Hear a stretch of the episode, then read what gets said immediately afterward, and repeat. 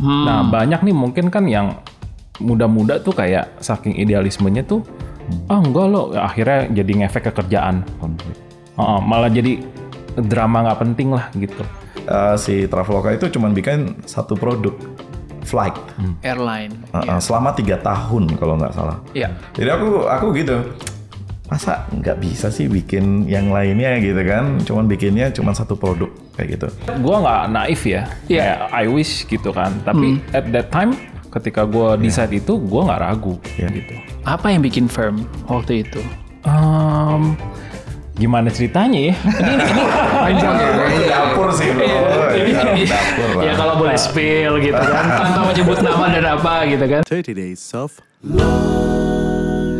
Welcome back to 3 Days of Lunch bareng sama gua Ruby, at Alexandro dan Aryo. Ed Rio silakan. Gua akan memulai kali ini dengan sebuah pitch karena yang akan hadir di sini adalah startup founders yang udah sering pitching. Tapi gua menghargai teman-teman semua yang dengerin ini baik di Spotify, di Apple Podcast, di mana pun atau yang nonton dari YouTube. So hari ini kita akan ngobrolin tentang professional life. Gue ulang sedikit ya.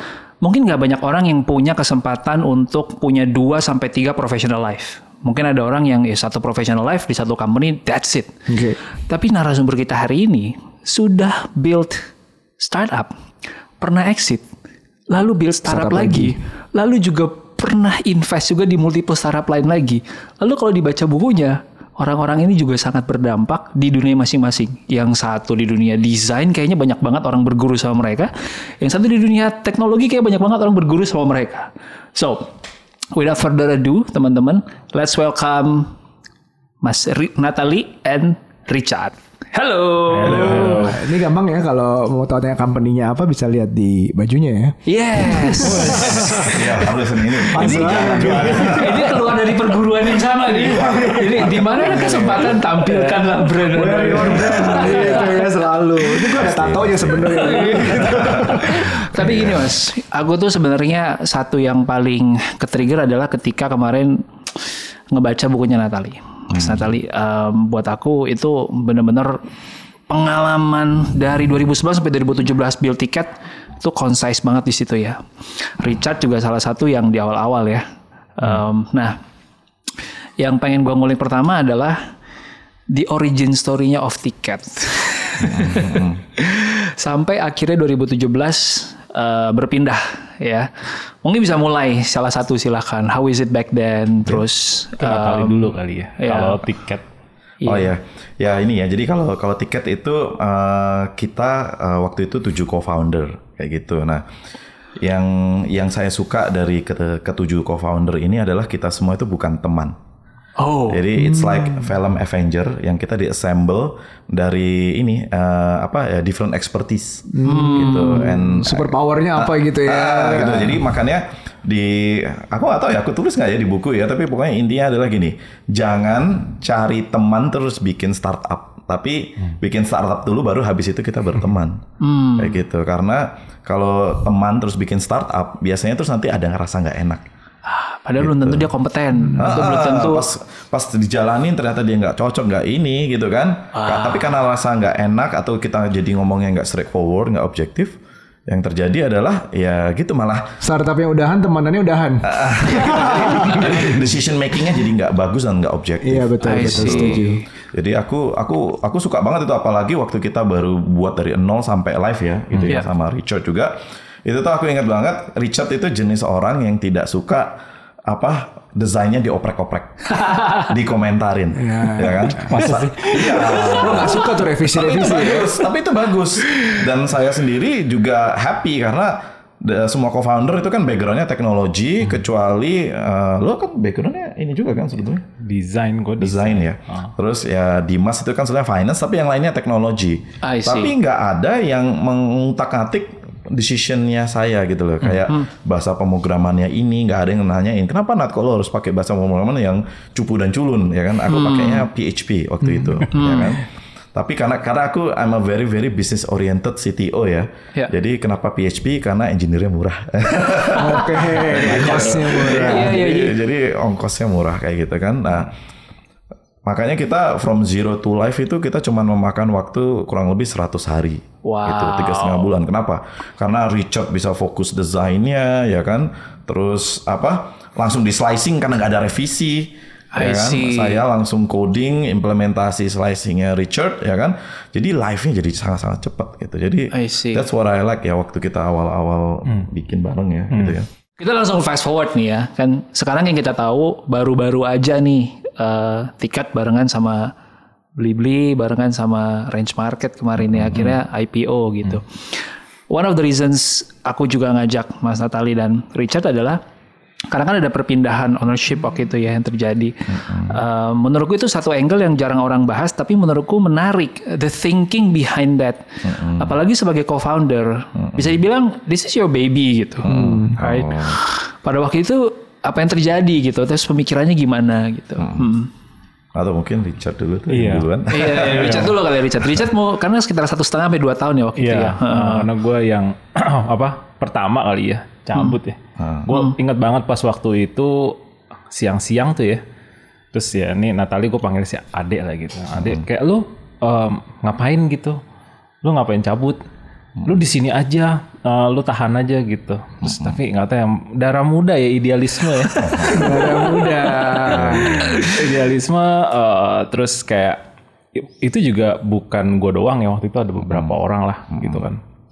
So ya sebenarnya kayak lesson learn aja gitu. Hmm. Jadi kalau pas kemarin ngelihat tiket apa IPO melalui beli-beli gitu ya, Iya. oh happy juga gitu ngeliat wah ternyata um, apa ya, gue pernah terlibat di satu bisnis yang wah ternyata sekarang IPO gitu. Hmm. It's like uh, happy, happy juga kayak kan masih apa kontekan juga tuh kalau gue masih sama Gary sih terakhir gitu kan. Iya. Halo guys, sebelum masuk ke podcast, dengerin dulu nih. Mungkin pesan ini bermanfaat buat kalian.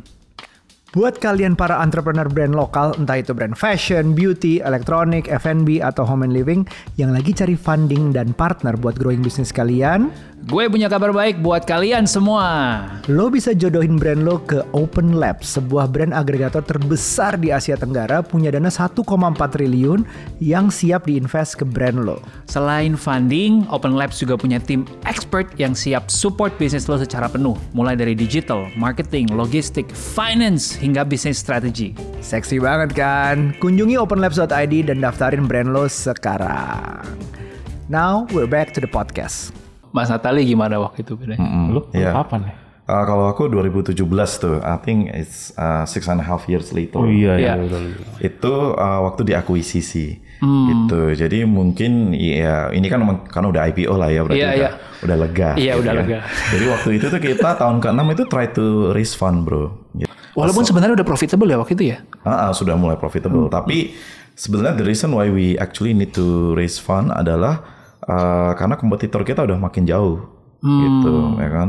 Waktu itu jaraknya udah hampir 10x, bro, Wow. kayak gitu, ya kan. Padahal kita omset udah triliunan, jadi you can imagine kompetitor kita Omsetnya. kali 10 Kali sepuluhnya. Ah, kayak gitu. Nah, jadi kita try to raise fund ya kan karena eh, ya supaya mengejar ketertinggalan lah kayak gitu. Nah, tapi waktu itu la- salah satu lesson learn-nya ya karena kita trying to be profitable, muter uang kita sendiri ya kan, disupport oleh ya kita ada satu angel investor yang very very supportive ya.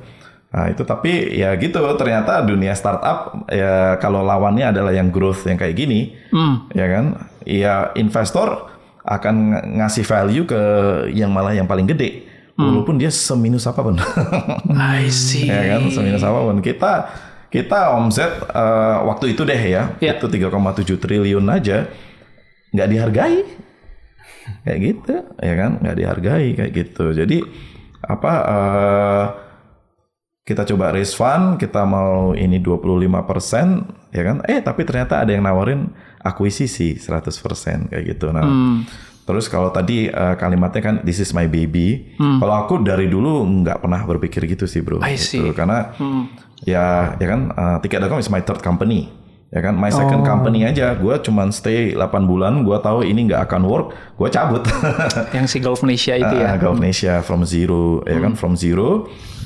Eh, aku tahu it's not gonna work ya I move on. Karena I know if kalau aku stay itu sebenarnya yang yang bodoh adalah saya ya kan Iya. karena not being objective ya gitu Wow. tadi mungkin Wow. kalau aborsi anak memang nggak bagus tapi kalau aborsi company yang pas pasnya memang clearly ya bahkan mungkin Golf Nation kan golf reservation system ya Iya. dibikin sekarang pun nggak akan berhasil Iya, ya iya, kan iya. karena pemain golf nelponnya caddy ya kan lebih asik bro Dek, saya mau main ya gitu Iya. ya pak udah lama nggak datang gitu kan lebih asik ya udah gitu nggak ada nggak ada bayar di depan ya kan booking Iya. cuma sebut nama Iya, berapa iya. orang jam berapa selesai Ya, waktu itu kayak solving problem yang sebenarnya nggak eksis ya. Iya. Iya. Balik- Terus, terus? balik lagi ke tiket ya gitu. Jadi kita kita di, di offer dan offernya ya lu, lukratif lah. Lukratif. gitu, ya kan. Iya, Jadi eh, eh, ya nggak semuanya setuju actually ya kan. Tapi ya karena majority ya udah eh, akhirnya kita eh, let go gitu. Which is I had a chance to ya try different investments ya kan. Hmm. Gitu. And then ya kayak investasi startup eh, 14 startup tapi 7 udah mati. gitu. And then bilang ah jangan invest startup lagi. I see. Enak susah gitu. Apalagi Oke. sih ya kan. Peluang matinya Resikonya tinggi paling banget. Tinggi banget. Hmm, Tapi kalau seri A uangnya juga kurang gede untuk seri A. ya kan. Oke, Kayak menarik. gitu. Hmm, I see. Dan sampai sekarang lah nge-build lagi Lifepack. Yes. yes. I see. Dengan dengan dengan wisdom yang sudah ada kan. Sudah ada. gitu. Uh, nanti kita mau gali nih wisdomnya karena kalau di bukunya Mas Hmm. Natali dibilang lu jangan tanya kisah suksesnya doang karena I consider uh, acquisition is part of an exit kan, yang tadi nilainya lukratif gitu. But Sukses ya. we need to talk about the failures juga nanti.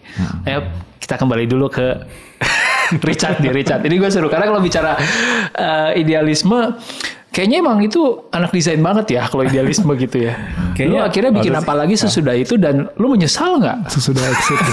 Karena udah kebagian nih. ya kan? Nggak pernah nanya, loh. Ya kan?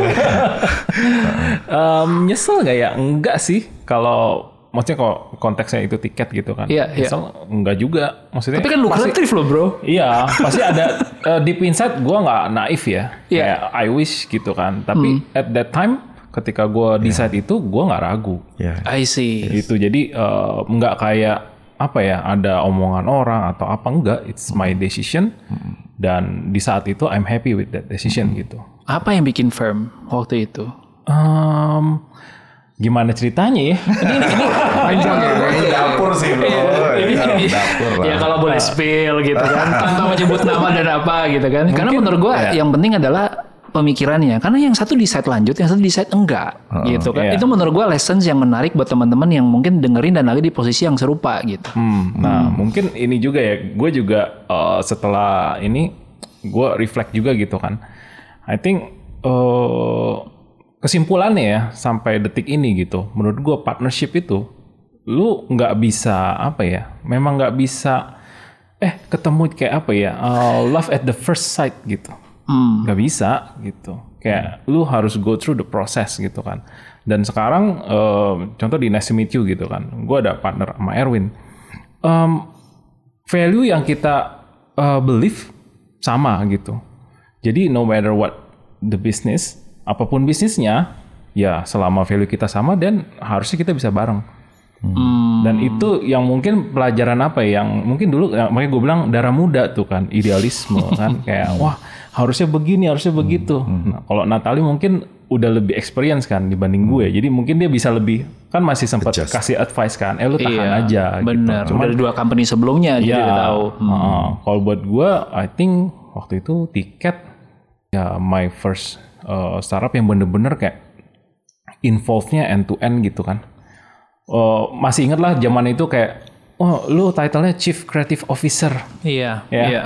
Tapi semua desain gue doang. Chief Creative Officer tapi timnya satu orang gitu. Iya, gue doang. Di officer. gue doang gitu kan ya waktu itu gue ya namanya nggak tahu ya mungkin waktu ini kayak keren gitu ya Tapi pas gue pikir-pikir lagi lucu aja gitu kayak lu lu chief tapi lu nggak desain gitu Eh, waktu itu juga startup masih masih fresh banget ya di Indo kan Iya.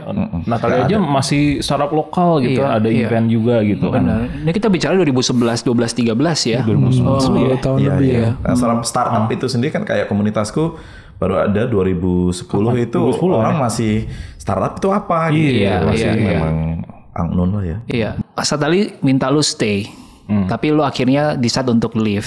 Apa momen yang bikin lu untuk firm untuk leave itu? Menurut gue itu something yang bisa di-share gitu. Apakah there is a bigger opportunity out there yang menurut lu lu juga sejalan dengan value lu, that's it? Atau ada something else lagi gitu? Nah kalau buat gue pribadi, gue tuh tipenya emang ini sih. Kalau gue lihat pattern gue gitu ya, memang ketika gue pengen apa do something ya gue lakukan. Hmm. Dari dari dulu tuh gue kayak begitu dari zaman apa bikin kaos, jualan kaos, eh, gambar sepatu, jualan di kaskus. Wah, Pokoknya gue mau ngapain, gue lakukan. Oke. Jadi in a way more impulsive dengerin hati gitu ya. Iya. I see. Heeh. Waktu itu lu langsung bikin apa? Si Moselo itu? Oh enggak, waktu Itu itu lakukannya untuk lakukan keluar atau membuat sesuatu yang baru udah ada. Eh, jadi barengan gitu loh. Jadi kan eh, nggak nggak cuman gue tuh yang cabut. ada Kevin, Ya ju- just in time lah waktu itu ya, Oh, mungkin. ada Kevin. Ya, akhirnya gue sama Kevin bikin apa digital product agency. Bentar. Kevin Osmond. Iya, Yang bikin Weekend Inc. iya kan bareng gue. Iya. Oh. Paham gue sekarang. Iya, itu. Jadi kita di apa pertemukan di environment yang kayak begitu berbagai macam orang gitu. Ya. Em, jadi kayak akhirnya ya ngobrol kan. Nah dari ngobrolnya itu ya ada fase kayak aduh gue gue cabut atau gimana ya. Jadi obrol ngobrol juga. Terus eh, ya udah kayaknya gue mau fokus aja deh. Gue eh, ngeliat waktu itu eh, UI UX tuh masih baru. Ya. Even eh, waktu nyari desainer aja eh, masih ada yang nyebut UI UX gitu. Itu kacau. I UXX gitu. Jadi lagu. UX ya, ini apa sih? Oh, harusnya UI UX loh. Gua sampai bikin bajunya tuh ada Y-nya gitu. Oh, UI. UI UX. Oke. Jadi lo mau explore si UI UX itu dan desain itu kan lebih dekat sama lo gitu Eh, ya. gua ngeliat opportunity-nya. I see. Karena di. Indo belum banyak Ya. em, dan kayaknya bisa nih. Ya udah, akhirnya kan jatuhnya service kan. Iya. Weekend itu service. Iya, iya, iya. Gitu. And it's not bad of a company. Maksud gue kayak weekend itu pada masanya itu berjaya juga loh. Lu juga ngerjain desain, website dan segala macam kan. Iya. Pada waktu itu banyak temen gue yang pakai weekend soalnya. Oh iya iya iya iya. Iya gitu. So but anyway, um, story originnya tiket sampai di 2017 yang akuisisi itu menurut gue learning yang menarik karena dua fasenya ini lahir dua orang yang jalurnya beda gitu. Iya. Tapi uh, menurut gue yang next gue pengen gali adalah learningnya nih mas. The failure failurenya yang kita rasa kayak teman-teman yang sekarang dengerin nih kalau mau mulai startup baru tuh mungkin bisa di mungkin bisa dipakai nih wisdomnya Oh, nih. iya. Iya, iya. Ah, itu itu bagus tuh.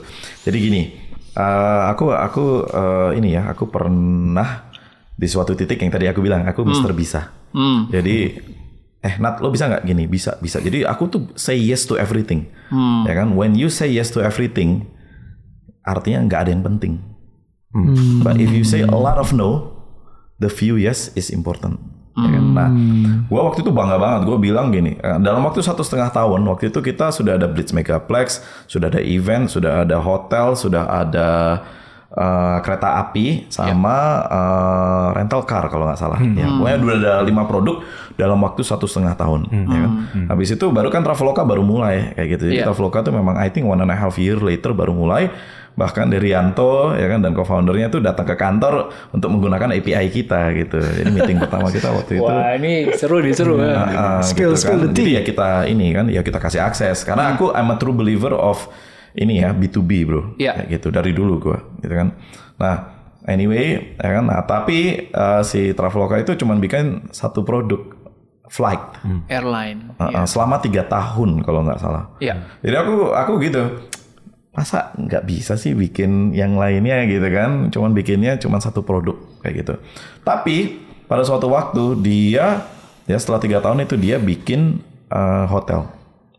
Ya Nah, yang terjadi adalah semua user flightnya bisa dijadikan user hotel Hmm. and then I think in six months mereka bahkan secara sales ya sudah ngalahin Agoda Indonesia Wow. gitu kayak gitu jadi dari situ aku learningnya adalah fokus Uh, Fokus ya, fokus on your strength gitu. sekarang. fokusnya tuh maksudnya gini jangan ter- tergoda oleh uh, apa ya opportunity opportunity lain ya kan yang padahal opportunity yang ada di depan mata itu tuh sebenarnya belum optimize Kayak gitu.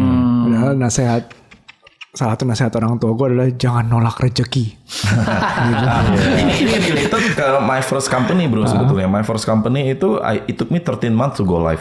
Urbanesia. Uh, uh, fiturnya banyak banget, ya kan? Apa yang terjadi waktu live fiturnya cuma satu yang dipakai. So we wasted 13 months to develop, ngabisin uang yang sudah miliaran. Iya. Live cuma satu yang dipakai, and then bugnya segede, ya software segede Segede itu. itu. Jadi benerinnya lama banget. Tapi kalau tiket 100 hari live, ya kan? Cuma waktu itu ya memang apa ya Bliss Megaplex sama hotel, ya Iya. itu ya kan bugnya ya kelihatan kecil karena kan ya secepat mungkin pokoknya live kayak gitu. Kita aja bahkan waktu kita live eh, waktu live itu aja kayaknya kalau nggak salah kartu kreditnya masih UAT. ya kan tapi cuek-cuek aja gitu kan udah kita livein aja ya kan berapa seminggu kemudian baru selesai ya pokoknya kayak gitulah.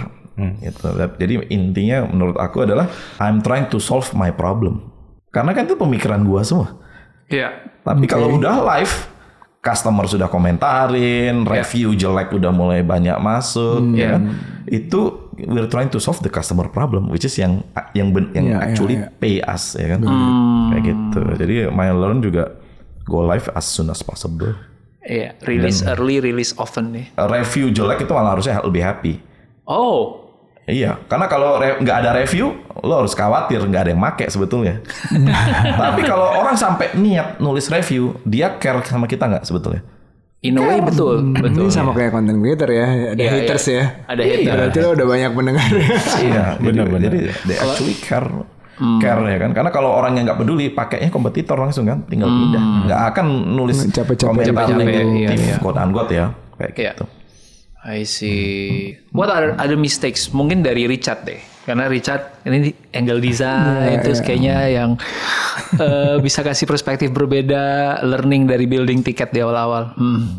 Um, learningnya ya kalau dari tiket ya lebih banyak ke bisnis side sih bisnis side sama apa yang paling itu partnership tadi ya Iya, itu yang paling nempel di gua sampai sekarang sih Hmm. Um, terus bisnis side juga waktu itu actually gue sempet um, yang perkara itu bukan perkara sih kayak oh nih uh, tiket mau ada semuanya. Kayak dari Oh, hotel mau dan semua jenis produk gitu. Oh, terus gue sempet challenge kan kayak gini ya kalau di brand itu lu nggak bisa gitu lu langsung palu gada. Iya, iya. akan susah gitu untuk uh, gimana introduce this new brand gitu kan. Nah cuman yang gue belajar ini sih kayak uh, mungkin untuk yang ini ya kan di satu startup kan tuh partnya kan masing-masing ada kan. Di situ kayak um, gue juga belajar oh oke kalau emang CEO-nya dibilang kayak gitu dan uh, ya gue harus oke.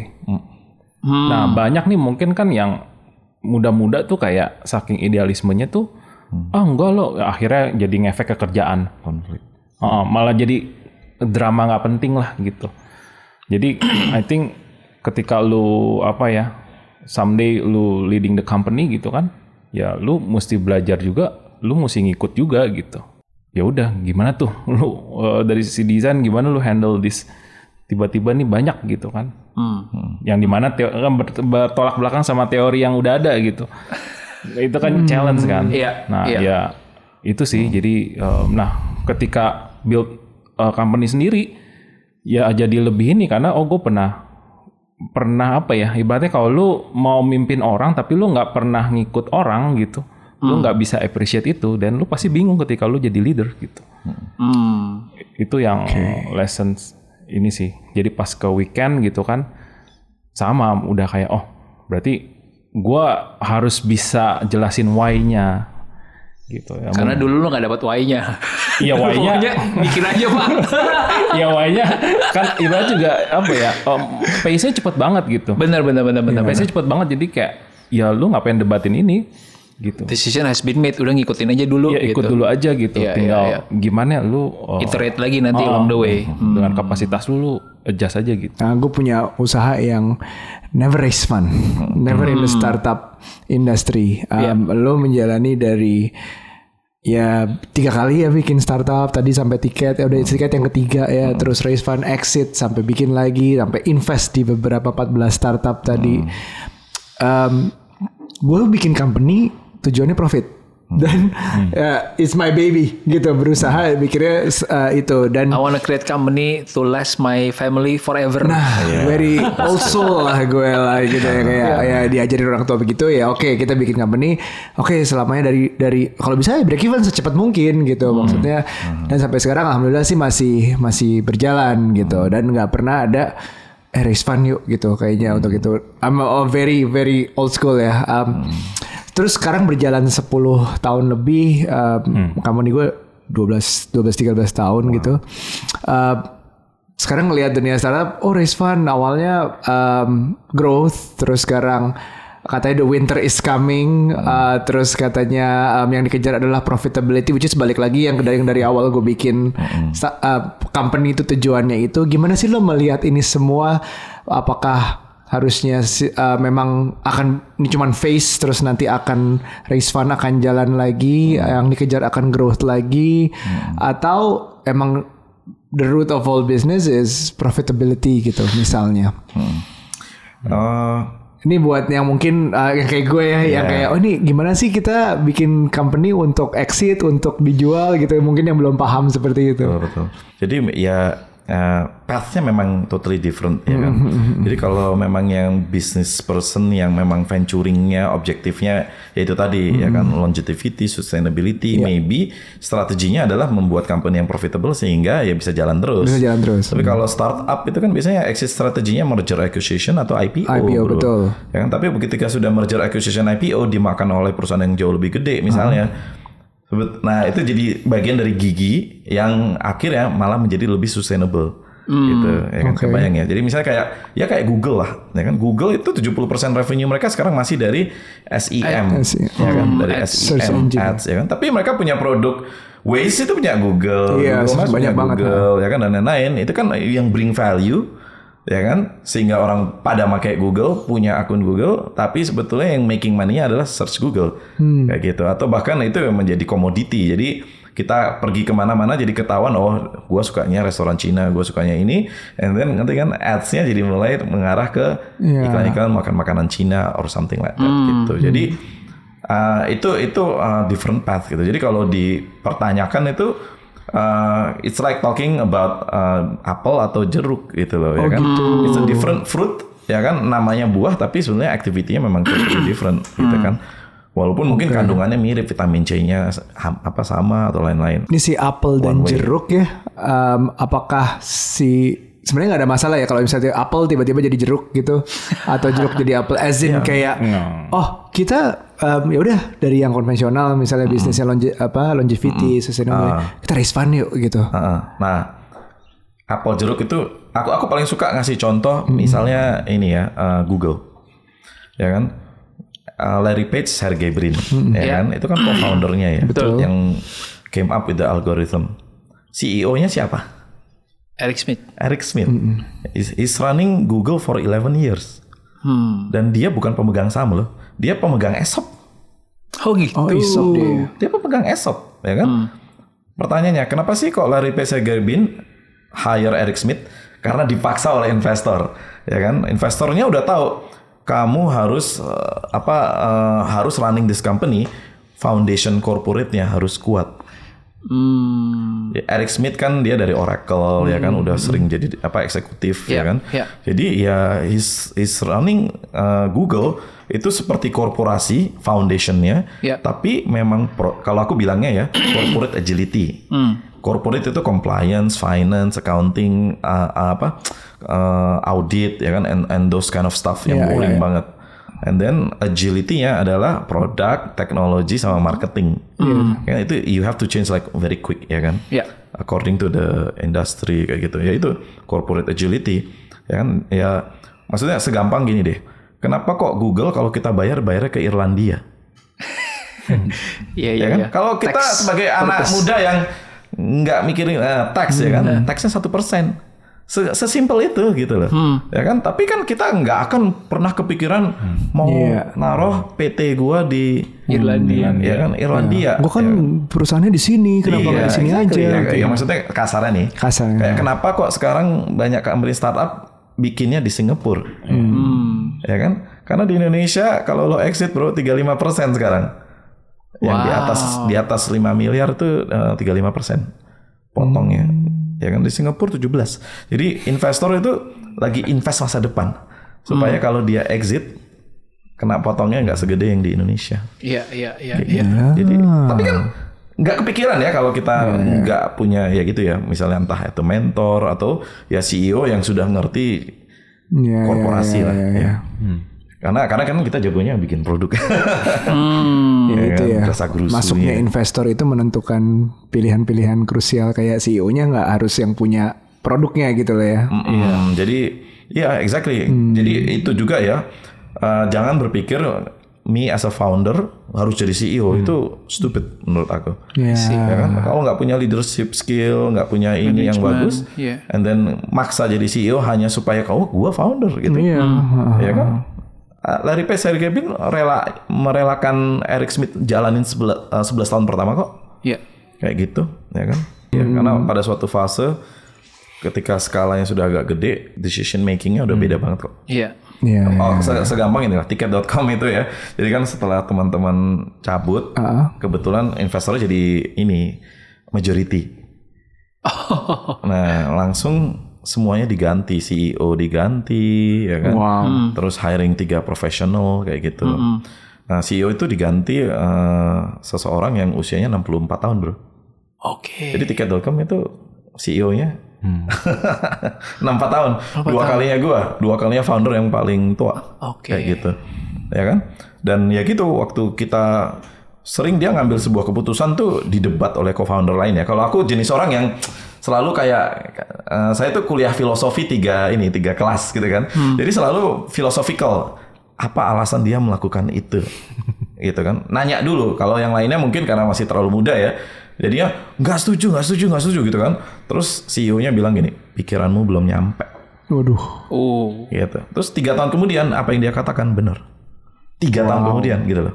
Hmm. Ya, kan? Ya, karena inexperience itu kan. Iya. Gitu. Perbedaan pengalaman 30 tahun itu ya, 60-an dan 30-an yang akhirnya you can see further in the future gitu. The adult in the room mungkin ya. Ya, the adult in the room. Betul. Kalau nonton-nonton film startup di mana em, apa kantor startup tuh penuh dengan games gitu apa meja football, biliar apa segala macam. Dan biasanya foundernya tuh digambarkan muda gitu kan. Iya, dulu kita gitu kan CEO-nya kebetulan usianya 26 tahun gitu ya. Mindsetnya mindset ya kayak startup Silicon Valley. Main-main. Iya, iya, Tapi iya. begitu diganti CEO yang usia 64 tahun, Beda. cateringnya diganti, snacknya dihilangin, kayak gitu-gitu. I see. Iya iya iya. Oh ya, yang sekarang lagi rame nih soal snack dan cateringnya diganti. Ternyata itu sebuah proses mungkin in a way pendewasaan ya. Oke. Sebuah startup masuk ke fase yang berbeda gitu ya. Iya. Ya, dan kadang banyak yang telat gitu loh. Iya, iya, ya kan, maksudnya sudah terlalu gede mau Iya. berubah itu it's a lot Iya. cover gitu. Makanya kayak saya pribadi ya kayak contohnya gaji-gajian gitu lah, ya kan. Nah, itu tuh seru itu nih. saya kalau gaji pokoknya ya gaji orang susah jangan langsung yang gede. Karena nurunin gaji nggak bisa. Terus orangnya nggak mau resign. Undang-undang nggak bisa membuat orang apa uh, resign tanpa dia yang resign ya, kecuali kita PHK. PHK Oh kosnya. mahal bro, itu omnibus law itu kalau makanya aku bingung ya sama pegawai-pegawai yang protes-protes, padahal itu menguntungkan banget mereka loh. Did you know kalau kalau orang udah kerja tiga tahun itu tuh eh, pesangon ya kali dua. Oh iya baru tiga tahun itu belum yang 10 tahun segala macam. Kali dua bulan kan nih? Bulan Enggak kali dua bro. Oh, oke. Jadi kan kalau belum satu tahun satu kali, dua tahun dua tiga. Tapi begitu udah lewat tiga tahun, ya tahun keempat itu 8 kali pesangonnya. Wow. Iya, belum juga em, nggak kita nggak bisa nih awal-awal gue kecil nonton di film-film you're fired gitu. Udah live your clean your day and go. Nggak bisa di Indonesia kayak Iya, gitu. iya. Ada urutannya untuk Masalahnya mencat gitu. Indonesia ya kan kalau di Amerika anyone can be fired at that time. Jadi makanya tau nggak apa yang terjadi? Kerjanya serius. Di Indonesia untuk mencat SP dulu, SP1, Iya, satu, SP dua. dulu, SP2. Eh, tapi itu bisa expired nanti. Iya, Balik lagi ke SP sebelumnya. kalau mau sesuai undang-undang SP1 jaraknya harus enam bulan. Iya. SP2. Iya, itu dia ada jaraknya. Jadi satu setengah tahun you have to enjoy someone yang work like shit gitu. Atau mungkin ya memang dia tiga bulan kerja serius biar kelihatan bagus. Begitu kita full time in laid back dan nggak perform. Iya, awal- awal-awal masih kerja Iya, sama iya. Semua tuh. Iya, awal-awal masih kerja curhat, curhat, curhat, Iya. curhat, curhat, curhat. Awal kerja masih sama nyokap gue ya kayak ya ya udah keluarin aja sama tuh. Eh tunggu dulu Rudolfo, tunggu dulu nggak bisa secepat itu ya. Udah baru tahu oh ternyata gitu ya undang-undangnya. Iya, iya, iya. Tapi ngomongin soal gaji nih, mumpung nih, mumpung. Seru nih. Ah, aduh, gue tuh juga pengen curhat. Lagi ya. Karena gini-gini, gue pengen ngomong tapi takut dikomplain. Tapi ya udah gue cerita apa adanya aja ya. Kayak I feel that all this startup yang pada masa itu hampir 10 tahunan lebih itu punya injection uang yang Gede-gedean. gede-gedean, mereka bisa afford untuk oke, gue ngambil orang ini bagus daripada gue capek, Yes. I raise your salary by berapa persen gitu langsung cepat kan, sehingga ada saat di mana talent-talent itu mungkin belum saatnya dibayar segitu, tapi market price-nya naik banget. Jadinya company-company yang kayak kita nih, walaupun enggak di dunia tech atau enggak di startup, kita juga kesulitan mencari orang satu. Sekarang ketika terjadi winter gitu, orang-orang ini sudah keburu standar hidupnya ketinggian karena ya gue udah kebiasa gaji begini nih masa gue turun Iya. gitu. Nah itu something yang emang ke trigger dari startup uh, boom ini. And is there a solution for that menurut Itu Richard itu dan- bener. Hmm. Itu bener. itu benar? Yes. Maksudnya- Berarti gue gak sendiri. gue gue tambahin juga Pak, uh, sebelum lo jawab. Jadi kayak walaupun yang dicari adalah CTO, developer A, B, C, uh, language programming ya, tapi itu meraise level satu company itu kayak um, resepsionis itu juga jadi kayak naik standarnya di Iya, zaman itu. Sehingga, sehingga kita mau cari yang nggak kok kita nggak nyari developer kok enggak emang market rate-nya udah segini. Hmm. Iya. Iya iya iya. Ya tadi chat. Heeh. Gimana, Tat? emang Silakan. emang the hard truth-nya gara-gara ya bukan gara-gara sih emang I think kondisi waktu itu menciptakan kondisi saat ini Hmm. dan ya udah kasarnya gue waktu itu sempet ini sih kayak eh kayak waktu pas di weekend lah tuh juga ngerasain kan wah ini susah banget nih cari yang bagus ada yang bagus gila harganya udah nggak kita nggak bisa afford gitu kan terus tapi yang paling sebel adalah yang biasa-biasa aja jadi juga jual mahal Karena market rate. Oh, oh, jadinya ah gimana ya? Jadi serba salah ya. Terus kayak kalau sekarang terjadi kayak begini sebenarnya ya gue rasa normalisasi ya. Hmm. Eh, memang udah saatnya gitu nggak bisa lah. I think kayak eh, mungkin kemarin kayak engineers ya. Engineers kan paling Paling yang berasa ya. dielu-elukan lah gitu Iya, kan. iya. gue nggak masak karena kan gue orang produk juga, gue ya butuh engineers kan, butuh kerjasama. Tapi ketika misalnya, even gue nyoba sendirilah, om kok ini masih pengalamannya belum gimana-gimana, tapi kok mintanya tinggi banget ya. Dan ini kan pekerjaan kita nggak bisa satu tambah satu sama dengan dua gitu, Hmm. ya kan? Jadi kayak oh ya nyebelin sih terus dengan adanya ini menurut gua ya bagus malah ya kalau masalah kayak oh nanti lifestyle-nya udah ketinggian dan ya lu You hadapin adjust your stuff. oh you have to adjust karena kalau nggak sekarang nggak ada yang berani afford Hmm. Oh. Oke. ya itu udah ng- ngomong solusinya gimana ya gimana ya? ya? kayak Iya. Hah Kita tapi kita boleh ngomelin visi gak sih? gua gua mencoba karena Menurut aku bukan salah Iya. visinya sih. in the sense kan mereka yang create this ecosystem gitu. Enggak, enggak sih. Enggak gitu ya? Yang salah startup kalau menurut gua. Oke. Oh, gimana tuh? Ya kebanyakan duit and then they think they are invincible. I see. And then they are willing to pay like 2x, 3x ya kan of the original salary. Iya. Tapi nggak memikirkan masa depan. I see. Gitu. Aku ingat banget ya kayak kayak itu ya aku tadi ceritakan tiket.com itu 37 engineer, 35-nya masih di bawah 10 juta, Bro. Wah, ini tahun yang se- 2017. 17. wow. gitu kan kayak orang susah gitu kan tapi aku pernah interview seseorang nggak ada pengalaman nggak ada apa-apa ya kan mintanya waktu itu 10 ya kan? Terus nggak nggak jadi masuk. Kenapa? Karena masuk ke kompetitor 12 nggak ada pengalaman. Oh, wow. gitu. Ya kan? Nah. First jobber berarti ya. first job first jobber banyak banget kayak gitu. Nggak pernah meroyek nggak pernah. Kayak gue sendiri baru, baru lulus saja gue udah meroyek dari SMA bro. Iya, Gitu, betul. ya kan? Jadi kan lumayan lah ada pengalaman. Betul. itu aja gue first job gue satu setengah juta gaji gue Wow. gitu. Nah eh, apa ya gitu eh, menurut aku yang salah startup karena nggak mikirnya jauh mikirnya Hmm. hanya di depan matanya aja kan. Padahal kan konsekuensinya kali 13 kalau company-nya jalan lima tahun berarti kali lima tahun ya kan? Iya betul. ya kan costnya ya kan? Cost gitu. Jadi menurut aku sih karena kalau kayak karyawan atau siapa pun itu itu opportunity kok dikasih opportunity itu mana, mana ada yang nggak mau ngambil sih Kami-kami yang tidak di dunia startup ini merasakan susahnya cari. Iya. Tapi nggak bisa disalahin sih. Maksudnya gini, apa kalau salahin itu kan nggak enak ya? Iya iya. iya. Karena kayak it happens saja. Iya. Kayak lu lu nggak bisa kayak at, at this moment nih misalnya ada apa gitu ya kita lagi kayak begini syuting begini terus kayak ada apa kita nggak bisa eh gue gara Ruby nih ajak gue ya nggak bisa juga maksudnya kayak Iya, iya, i- kan Bener, bener, bener. everyone punya punya part dan di masa itu memang eh, cara mainnya kayak begitu Iya.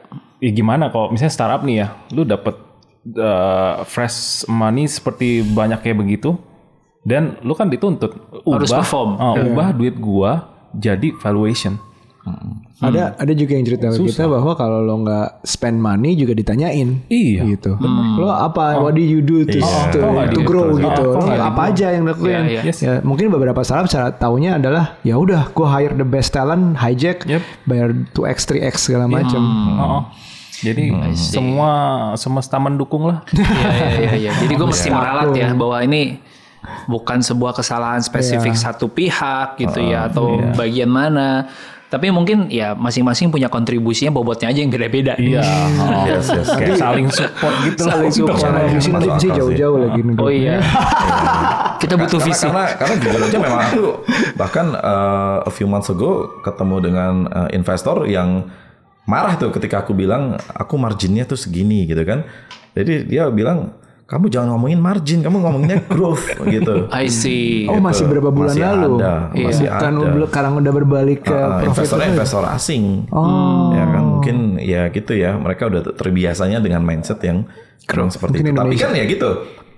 Aku tetap dengerin, aku appreciate tapi aku nggak kerjain. Kan the ultimate decision ada di yang punya ya. Heeh. ya makanya kenapa kok gue bilang startup yang salah ya.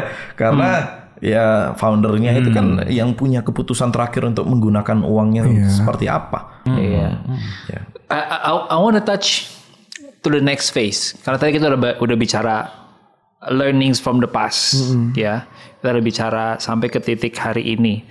Tapi gue pengen ngebahas dari 2017, mungkin kalau eh, Richard dari 2013 kali ya. Setelah habis tiket, terus bikin weekend, terus Moselo, terus sekarang Nice to Meet You. Nah kalau Mas Tatali sekarang live pack gitu.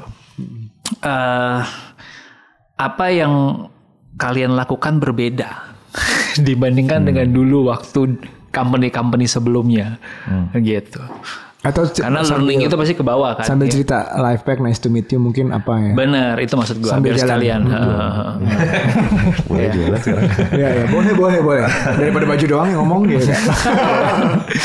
Iya. Nah, kalau pas nice to meet you ya, eh, itu yang gue lakukan berbeda tuh ini sih. eh, dari awal eh, review, performance review udah gue terapkan. Hmm. Oke. Eh, itu nggak pernah dilakukan pas ya, tiket zaman gua nggak ada definitely. Eh, pas weekend agak telat Ya. adanya. Jadi kayak lumayan resistance dapat resistance waktu itu. Nah pas eh, Moselo udah belajar gitu ya. Jadi kayak udah lebih cepet gitu. Tapi eh, pas next week itu gue by day one gue langsung bikin tuh. Eh, kalau eh, graphic designer performance reviewnya kayak begini. Itu belum ada employee. Gue belum hire, gue udah bikin performance reviewnya gitu. Eh, jadi begitu masuk udah enak nih eh, hire GD terus nanti kita ada sistem performance review ya kayak begini. Gue jelasin itunya eh, bagian apa yang gue review, kenapa perlu review gitu. Jadi itu dan lumayan jadi sekarang apa ya? Jadi lebih smooth lah ibaratnya kalau dulu kan apalagi desain ya. eh, tend to be kayak subjektif kan Hmm. eh kan pendapatnya kadang oh suka nih nggak suka gitu kan Iya. itu kan sering banget kan nah begitu ada review kan oh yaudah setelah tiga bulan review eh, skor lu sekarang misalnya 78 Iya. nah lu bisa kok sebenarnya jadi 81 Hmm. kalau lu lakukan ini ini Itu yang memanfaatkan probation sebes- semaksimal mungkin. Wah, ninggung nggak nih? Cap sudah. Nah, gara-gara itu juga jadi kalau di Nasi Pincu kita kan fully remote company. Ya, Jadi gue tuh believe eh, ya since ini juga kreatif ya. beli remote. remote Tinggal control. Hebat juga nih bisnis ya. jadi apa? Gue nggak nggak mau punya physical place Oke. eh, gitu karena em, lebih ke ini sih. Pas eh, triggernya mungkin pas Moselo ya. Moselo itu kan eh, kita marketplace tapi barang-barangnya kan eh, handcraft, Iya. barang-barangnya yang makers lah, local local makers gitu kan. So jadi dari situ gue ngeliat oh ternyata di Indo banyak nih talent kreatif gitu. Tapi kenapa ya kalau kita lihat acara-acara yang prominent kok lu lagi lu lagi? Di situ gue kayak harusnya bisa nih kita angkat talent di luar Jakarta gitu. Itu pas Moselo. Nah, abis itu spirit itu kebawa ke Nice to Meet You. Gim- kenapa kalau desainer tuh harus eh, atau nggak desainer orang kerja harus ke Jakarta semua? Tapi we got your point kok. Kayak bahwa talent di luar Jakarta juga lu bisa kok Iya, mendapatkan role pekerjaan yang sama dan eh, dibayarnya juga serupa tapi lu nggak perlu Yes. dengan living cost Jakarta gitu kan. Iya, iya. Betul itu. Jadi Dan itu yang profitable buat dia sendiri. I see. Oh, itu yang apa one of our mission gitu.